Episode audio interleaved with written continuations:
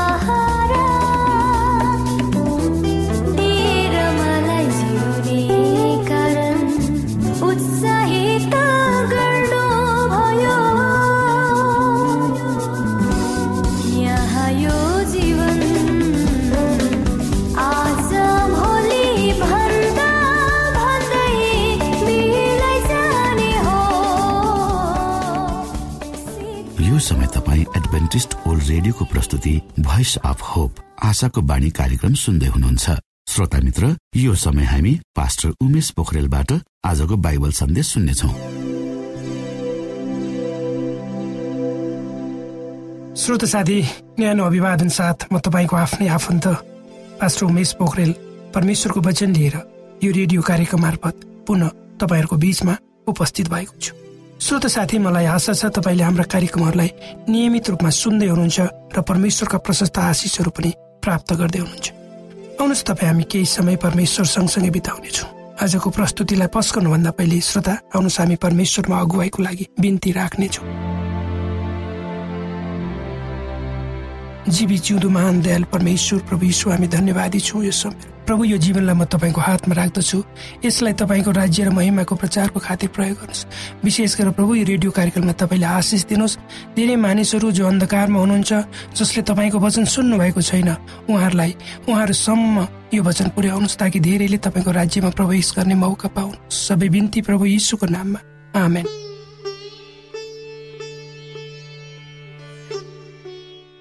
श्रोत साथी हामी प्राय जसो सबैसँग मोबाइल फोन छ।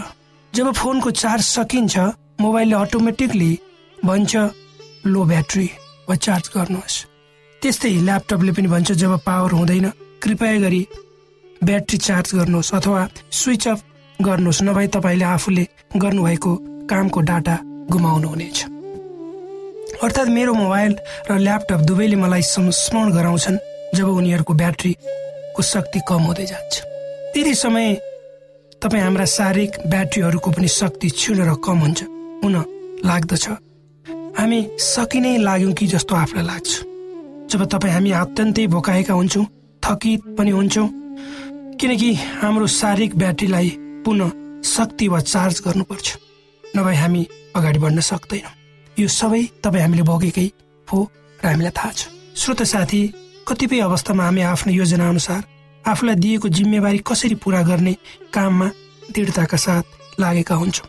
यद्यपि हाम्रो शारीरिक अवस्था शिथिल भएको हुन्छ तर पनि हामी इच्छा शक्तिद्वारा डोहोऱ्याएर आफ्नो कार्य सम्पादन गर्न लागि परिरहन्छौँ। र त्यो अवस्थामा हामी राम्ररी खान सक्दैनौँ न सुत्न नै सक्छौँ तर धेरै समय उभिन पनि सक्दैनौँ र हाम्रो आवाज कमजोर हुन्छ र हामी आफ्ना सामानहरू आफै बोक्न पनि सक्दैन। त्यसै गरी तपाईँ हाम्रो आत्मिकी ब्याट्री पनि धेरै पटक क्षीण भएको छ। र कहिलेकाहीँ जब हामी ठुलो समस्या वा सङ्कटमा भएर गुज्रिन्छौँ त्यति बेला करिब करिब हाम्रो आत्मिकी ब्याट्री मर्नै लागेको पनि हुन्छ। र हामी परमेश्वरसँग पूर्ण रूपमा आफ्नो सम्बन्धलाई विच्छेद गर्दछौँ। र हामीलाई बाइबल पढ्न मन लाग्दैन। न त प्रार्थना गर्न नै मन लाग्छ। यद्यपि हामी बाध्य भएर मन नलागी नलागी पनि कयौँ कुराहरू भने गर्छौँ। प्रचार पनि गर्छौँ किनकि हामी उक्त काम गर्नको निम्ति खटाइएका हुन्छौँ न कि हामी परमेश्वरलाई माया गरेर उक्त कार्य गर्न तयार भएका नै हुन्छ। तर परमेश्वरले उहाँको अनुग्रह तपाईँ हामीमा खन्याएर हाम्रो आत्मिक ब्याट्री रिचार्ज गर्न धेरै अवसरहरू हामीलाई दिइरहनुहुन्छ। यद्यपि हामीहरू परमेश्वरको विरुद्धमा हुन्छौँ परमेश्वरले जे कुरो नगर भन्नुभएको छ त्यही कुरो हामी गर्न मन पराउँछौँ आफ्ना विनम्रतायुक्त आवाजद्वारा परमेश्वरले तपाईँ हामीसँग बोलिरहनुहुन्छ र भन्नुहुन्छ मेरो छोरा वा छोरी म तिमीलाई दुःखमा छोड्दिन। म तिमीसँग रहिरहनेछु। भनी म भनिरहनुहुन्छ जबसम्म हामी आफूलाई पुनः रिचार्ज गर्न तयार गर्दैनौँ। हो श्रोत साथी जब तपाईँ हामी कुनै कष्ट वा समस्या भएर गुज्रन्छौँ हामी बिमारी भएर अस्पतालमा हुन्छौँ त्यति बेला परमेश्वरले तपाईँ हाम्रा आफन्तहरू साथीभाइहरूको ढाडस र सान्त्वना मार्फत इमेल र कार्ड र फुलहरूका गुच्छाहरू मार्फत परमेश्वरले हाम्रो आत्मिकी ब्याट्रीलाई रिचार्ज गर्नुहुन्छ।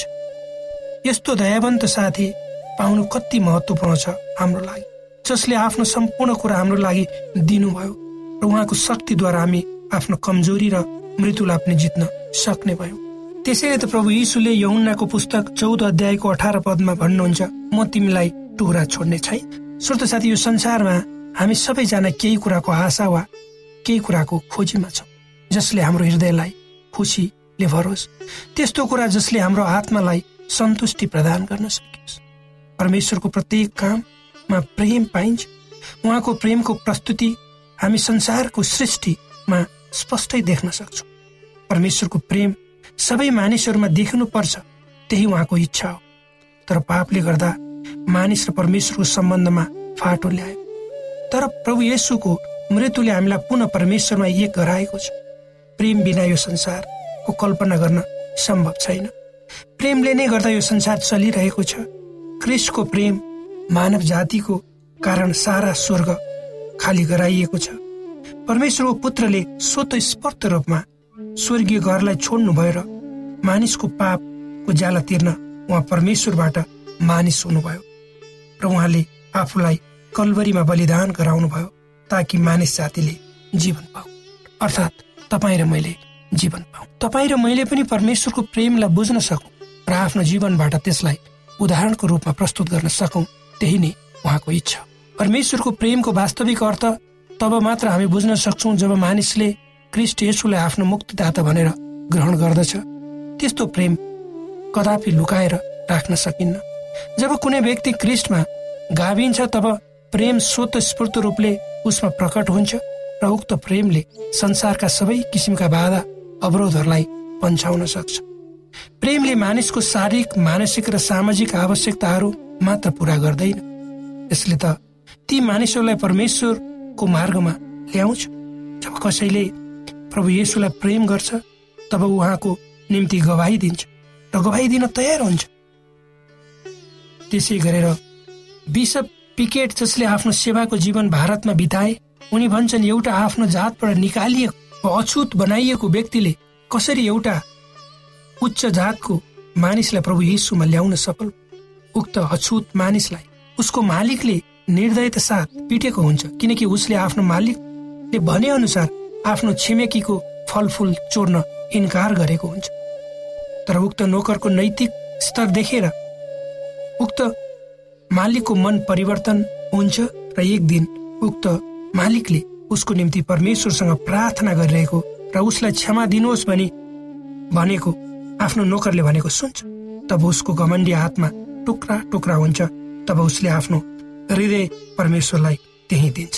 त्यसैले त पवित्र धर्मशास्त्र बाइबलको यहुन्ना तीन अध्यायको पन्ध्र पदमा यसरी लेखिएको छ। आउनुहोस् तपाईँ हामी पढौँ यहुन्ना तीन अध्यायको पन्ध्र पद। यसरी लेखिएको छ ज जसले उहाँमाथि विश्वास गर्छ त्यसले अनन्त जीवन पाउँछ। हो श्रोत साथी ज जसले परमेश्वरलाई विश्वास गर्छ त्यो मान्छेले उद्धार पाउँछ। ज जसले परमेश्वरलाई विश्वास गर्छ त्यो मान्छेमा परमेश्वरको प्रेम प्रकट हुन्छ उसको व्यवहारमा उसको बोली वचन त्यसैले प्रेम इसाईको निम्ति स्वाभाविक फल हो भने अन्य मानिसहरूलाई हामीले बुझाउनु पर्छ तर यो गाह्रो हुन सक्छ। इसाईहरूले आफ्नो जीवनलाई सेवामा समर्पित गर्नुपर्छ र आफूले गरेको राम्रो कामको प्रतिफलको आशा राख्नु हुँदैन। जब तपाईँ हामी आफ्नो जीवनलाई परमेश्वरको प्रेमले रिचार्ज गरेर अगाडि बढ्छौँ तब हामी सन्तुष्टिको स्तरमा आफसे आप पुग्छौँ र हाम्रा सबै किसिमका आत्मा केन्द्रित विचारहरू हामीबाट हराउनेछन्। र हामी जे गर्छौँ ती सबै परमेश्वरको निम्ति कुनै स्वार्थ बिना गर्छौँ। श्रोता साथी परमेश्वरले यी वचनहरूद्वारा तपाईँको जीवनमा आशिष दिनुहोस्। हामी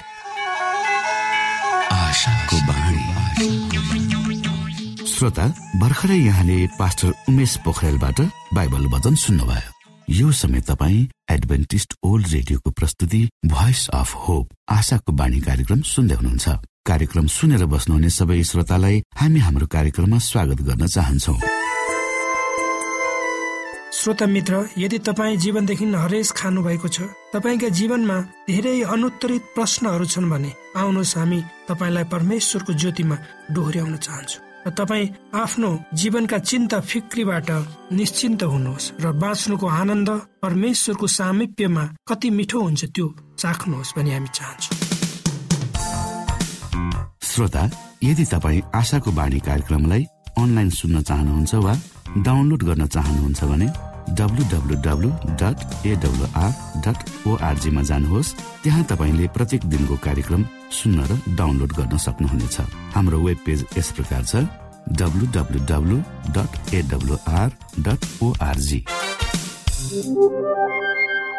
श्रोता यदि तपाईँ हामीसित सिधै फोनमा सम्पर्क गर्न चाहनुहुन्छ भने हाम्रा नम्बरहरू यस प्रकार छन्।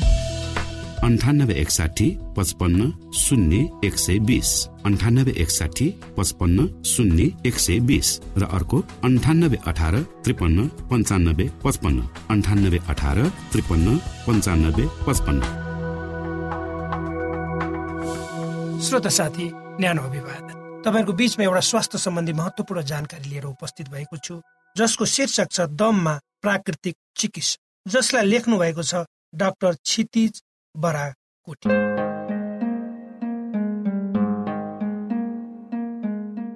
जाडो महिनामा बढ्ने समस्या मध्ये दम पनि एक प्रमुख समस्या यो समस्या जाडोमा मात्र नभई गर्मी वर्षायाम जहिले जहिले जहिले पनि जुनसुकै उमेरमा पनि हुन सक्छ।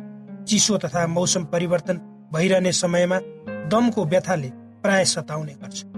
विशेष गरी बालबच्चा कमजोर र बुढा बुढीमा यसले बढी समस्या उत्पन्न दमको परिचय र प्रकार र निदान। दम यस्तो श्वास प्रश्वास जन्य समस्या हो जसमा श्वास नली तथा फोक्सोसँग सम्बन्धित श्वास मार्गमा अवरोध पुग्छ।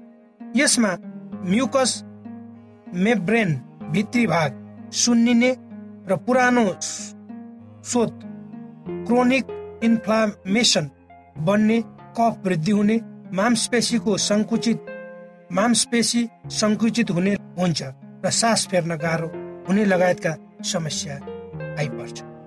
यिनै विभिन्न समस्यायुक्त दम रोगलाई यो रोग लाग्ने कारण यसको गम्भीरता अवस्था आदि अनुरूप अनेक प्रकारमा वर्गीकरण गरिएको पाइन्छ। विभिन्न एलर्जिन प्रति उच्च संवेदनशील नै एलर्जिक कारणले हुने दमलाई एलर्जिक दम र एलर्जिक नभइकन भएको दमलाई ब्रोङ्कियल दम भनिन्छ। यसरी नै नयाँ वा तीव्र वा पुरानो वा जीर्ण गरी दम रोगलाई चिकित्सा विज्ञानले दुई थरीमा मानेको छ।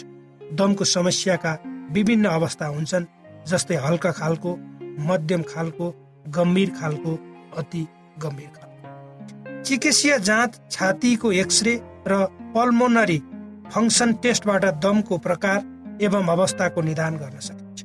यसरी नै रगत जाँच नाकको एक्सरे खकार जाँच मन्टुक्स टेस्ट एलर्जी टेस्ट पेटको ultrasound ECG echocardiography endoscopy CT scan लगायतबाट दमको अवस्था दम बाहेकका रोगको अवस्था वा दम हो वा दम जस्तै लक्षण उत्पन्न गर्ने अन्य रोग हुन् भन्ने कारणको निदान गर्न सकिन्छ। दमको प्रमुख लक्षण हो श्वास प्रश्वासमा कठिनाई हुनु र श्वासमा छोटोपन हुनु। यसका साथसाथै सास फेर्दा अरूले सुन्ने गरी छाती र घाँटीबाट सुई सुई वा घर घर आवाज निस्कनु। सुक्खा बाक्लो वा पातलो खकारयुक्त खोकी लाग्नु अनि पनि यसका लक्षण। दमको तीव्र अवस्था बिरामीका लागि निकै कष्टदायक हुन्छ। यस अवस्थामा बिरामीलाई के गरौँ कसो गरौँ जस्तो छटपटी हुन्छ बिरामीलाई सिधा सुत्न नसकेर बस्नुपर्ने वा आधा पल्टिएर मात्र सुत्नुपर्ने हुन्छ। यसरी श्वास लिन गाह्रो भएपछि जिउमा अक्सिजनको कमीले निलोपना हुने र नङ ओठ नाकको पालभरिको पालनिरको भाग तथा नाक लगायत क्रमिक रूपले अन्य छालाको भागमा पनि गाढा निलोपना देखिन्छ। तीव्र अवस्थामा छाती बढी चल्ने अक्सिजन नपुग्ने बेलामा छाती चल्न पनि कम हुने हुन्छ जुन खतरापूर्ण अवस्था। खास गरी ब्रोङ्कियल दमले पीडित व्यक्तिको छातीका करङ फुकेर छाती परेबाको जस्तै केही फुकेको तथा कुममाथि पुगेको ढाड केही कुप्रो परेको र कसैमा छातीको मध्य भाग केही धसिएको पनि देखिन्छ। दमको अवस्था र प्रकार अनुरूप लक्षण बढी वा कम हुने हुन्छ। दममा छातीभित्र संक्रमण भएमा ज्वरो आउने खोकीका कारण पनि छाती पेट लगायतका भाग दुख्ने हुन्छ। यसका साथ साथसाथै एलर्जिक ना दममा नाकबाट पानी बग्ने छाला चिलाउने डाबर बढ्ने नाक आँखा चिलाउने घाँटी खसखस हुने एक्कासी दम खोकी र घ्यार घ्यार बढ्ने लगायत लक्षण देखिन्छ। यी बाहेक मौसम खानपिन कामको प्रकृति रोग आदि कारणहरू रोगको प्रकार र दमको अवस्था अनुरूप अरू थप लक्षणहरू पनि आउन सक्छ। दम लाग्ने कारण विभिन्न कारणहरूले गर्दा दमको समस्या हुने गर्छ। विशेष गरी धुम्रपान गर्नु वा धुम्रपान गर्नेको सँगै बस्नु प्रदूषित वायु सास फेर्नु आहार विहारमा गडबडी कामको प्रकृति नाघाँटीका रोगमा ध्यान नदिनु आदि दम हुने प्रमुख कारण चिसो धुलो धुवा खार कुनै मौसममा खानपान र वस्तुको एलर्जीले पनि दम हुन्छ। छातीको संक्रमण न्युमोनिया ब्रोङ्काइटिस जस्ता श्वास प्रश्वास श्वास रोग बारम्बार भइरहेको पूर्व इतिहास छ भने त्यस्ता व्यक्तिलाई पनि पछि दम हुने सम्भावना हुन्छ। दम हुने अन्य कारण पनि छन् जस्तै घाँटीका रोग हृदय रोग छाती रोग छाती वरिपरका भागमा हुने रोग रक्त अल्पता रगतमा अत्यधिक होमो हेमोग्लोबिन पेटका रोग लगायत केही मनोवैज्ञानिक कारणले पनि दमका लक्षण उत्पन्न गर्ने हुन्छ। कतिपयलाई वंशानुगत कारणले पनि दम रोग लाग्न सक्छ। दम रोगका कारण आउन सक्ने थप समस्या। दमको समस्या जटिल भएमा त्यसले छातीको आकार प्रकार र फोक्सोभित्र पनि जटिल परिवर्तन ल्याउने मुटुका रोग मुटुका रोग उत्पन्न गराउने मनोरोग जस्तो तनाव विकृति चिन्ता विकृति डिप्रेसन हुने जस्ता समस्याहरू उत्पन्न हुन्छ दम लाग्दा खानपानको सम्बन्धी नियम। दम सर्दी र कफ प्रकृतिको रोग भएकोले यसमा चिसो घिउ तेल दही दुध दुधबाट बनेका परिकार गुलियो मिठाई खानु हुँदैन। माछा मासु अन्डाले पनि बेफाइदा गर्न सक्छ। खानै परे बोसो रहित एक टुक एक दुई टुक्रा मात्र खानुपर्छ। फर्सी पिँडालु तरुल मुला स्कुस च्याउ पनिरले पनि धेरैलाई फाइदा बेफाइदा गरेको देखिन्छ। दममा फलफुल खाँदा निकै ध्यान दिनुपर्छ। यसले दम खोकीलाई चाप्न सक्छ। तीव्र अवस्थामा नदिनु वा तातो पानी मिसाएर यसको रस मात्र दिनु ठिक हुन्छ। अरू बेला पनि बिरामीको अवस्थालाई विचार गरेर मात्र दिनुपर्छ। दमका बिरामीले हल्का र सादा खानपिन प्राय झोलि झोलिलो तातो कुरा खाने गर्नुपर्छ। तीव्र अवस्थामा दाल चामल र हरियो तरकारी मिश्रित गरी पकाएको पातलो जाउलो गेडागुडीको झोल अनारको ताजा जुस मह पानी फिक्का चिया गुलियो चिल्लो नभएको बिस्कुट दालमा मिसाएर पकाएको रोटी सुक्खा रोटी आदि बिरामीको आवश्यकता तथा खान सक्ने क्षमता अनुसार दिन सकिन्छ। दममा बेलुकाको खाना घाम छँदै राति चाहिँ हरियो तरकारीको तातो सुप लिन दिनुपर्छ। टन्न नखाई ठिक्क वा कमै खानुपर्छ। दममा फलको रस रसो बाहेक मोह मोह पानी पिएर जलो उपवास गर्नु फाइदा हुन्छ। दमका दममा विभिन्न प्राकृतिक चिकित्सा विधि घरेलु औषधि तथा हर्बल थेरापी। चिप्लो चिल चिप्ला ठुसो र मरिचलाई बराबर मिसाएर पिसेर एक पटकमा सानो चियाको आधा चम्चा धुलोलाई एक चम्चा महमा मिसाई तातो पानीसँग पाँचदेखि सात दिनसम्म खाँदा खोकी लाग्न कम हुन्छ। यसरी नै दम खोकीको अवस्थामा पानी दुध नराखी तुलसीको पात मरिच अदुवा सुठो पिप्ला दालचिनी तेजपात आदि जस्ता मसला केही मात्रामा मिसाएर चिया जस्तो पकाएर त्यसै वा पिउने बेलामा मह वा नुन मिसाएर कागतीको रस समेत हाली दैनिक तिनदेखि चार पटक पिउने गरेमा दम घट्न र खोकी शान्त हुन सक्छ। जीवनशैली तथा नियम। दममा स्वस्थ जीवनशैली अप्नाउनु पर्छ यस अन्तर्गत ठिक दिनचर्या रात्रिचर्या उचित आहार विहार अप्नाउनु पर्छ चिकित्सकले निर्देशन गरेका नियम पालन गर्नुपर्छ। खाने लगायत बस्ने सुत्ने काम गर्ने नुहाउने लुगा लगाउने आदि हरेक क्रियाकलाप आफ्नो दमको अवस्थामा सकारात्मक लाभ मिल्ने गरी गरिनुपर्छ। यसका लागि आफ्नो अनुभव र चिकित्साको सल्लाह लिनुपर्छ। उपवास चिकित्सा। दमको उपचारमा तीव्र अवस्थामा ठोस खाना नखाई तरकारीको झोल वा चिकित्साको प्रत्यक्ष निगरानीमा पूर्ण पानी मात्र पिएर लघु उपवास गर्न सकिन्छ। बिरामी कमजोर नभएमा एक हप्ता वा बढीको पूर्ण उपवास पनि नियमपूर्वक गर्न सकिन्छ। जसमा मह कागती पानी र अन्य रसाहार खाने र शोधक उपचार अप्नाउनु पर्छ हाइड्रोथेरापी। दमको समस्यामा श्वास मार्गको अवरोध कम गर्नको लागि नाक र मुखबाट पाले पाले गरी पाँचदेखि सात मिनट जति बाफको प्रयोग उपयोगी हुन्छ। यसरी दम चापेको बेलामा दिनको एक र दुई पटक बारम्बार तातो पानी थप्दै पन्ध्रदेखि तिस मिनटसम्म हट फुट बाद तातो पानीमा खुट्टा डुबाउने छाती दुखेको छैन भने घाँटी खसखस हुँदा खोकीमा बिहान खाली पेटमा मन तातो पानी पिएर उहाँ बान्ता गर्ने गर्नुपर्छ। उपवास अवधिभर र दम बढेको अवस्थामा प्राकृतिक चिकित्सालयमा एनिमाको सहयोगले पेट सफा गराउँदा लाभ पाउन सकिन्छ। ढाड र छातीमा पालै पालो तातो तिनदेखि पाँच मिनट र चिसो थर्टी सेकेन्ड दुई मिनटसम्म दरले केही पटक दोहोऱ्याउँदै सेक्ने हो भने कफ निस्कन मद्दत गर्छ। जिउ कमजोर नभएको अवस्थामा पुरा शरीरको स्टिम बात समेत निकै प्रभावकारी हुन्छ। त्यसै गरेर दमका बिरामीले हावा नचल्ने ठाउँमा लुगा फुकालेर शरीरमा घाम पर्ने गरी तेल लगाएर जाडोमा करिब एक घन्टा घाम ताप्ने र दिनभरि नै न्यानोसँग घाम आउने ठाउँमा बस्न सक्छ। तर गर्मीमा यस्तो गर्नु सम्भव हुँदैन। तापनि गर्मीमा बिहान सातदेखि आठ बजेमा घाम दसदेखि पन्ध्र मिनट उपभोग गर्न सकिन्छ। अकुपङ्क्चर दमको लागि छातीमा भएका अक्यु पोइन्ट र करमबीचको मांसपेशीमा हल्का दबावयुक्त मसाज वा सहयोगीले गर्न सक्छन्। स्वयंले वा सहयोगले गर्न सक्छन्। साथै चिकित्सकले हाड छाती हात आदिका दम उपयोगी लोकल वा डिस्टल अकु पोइन्टहरूमा अकुप्रेसर अकुपञ्चर आदि विधिले चिकित्सा गर्न सक्छ। त्यसै गरेर पारिवारिक दायित्व छ दम रोगका बिरामीमा चिटचिट्याट बढ्ने हुन्छ। यस्तो अवस्थामा परिवारका सदस्यहरूले बिरामीलाई प्रेम स्नेह दिनुपर्छ। दमका बिरामीमा एक्लै एक्कासी नराम्रो हुन सक्ने हुँदा तीव्र अवस्थामा कमजोर वृद्ध र बालबच्चामा बढी रेखदेख आवश्यक पर्छ। कतिपय अवस्थामा घरमा नराखी स्वास्थ्य संस्थामा तुरन्त लगी औषधि उपचार गर्न सकिन्छ। यी प्रस्तुतिहरूले तपाईँलाई दम के हो र दमबाट कसरी बच्न सकिन्छ भन्ने कुरामा तपाईँलाई सहयोग गर्नेछ भन्ने मलाई लाग्छ।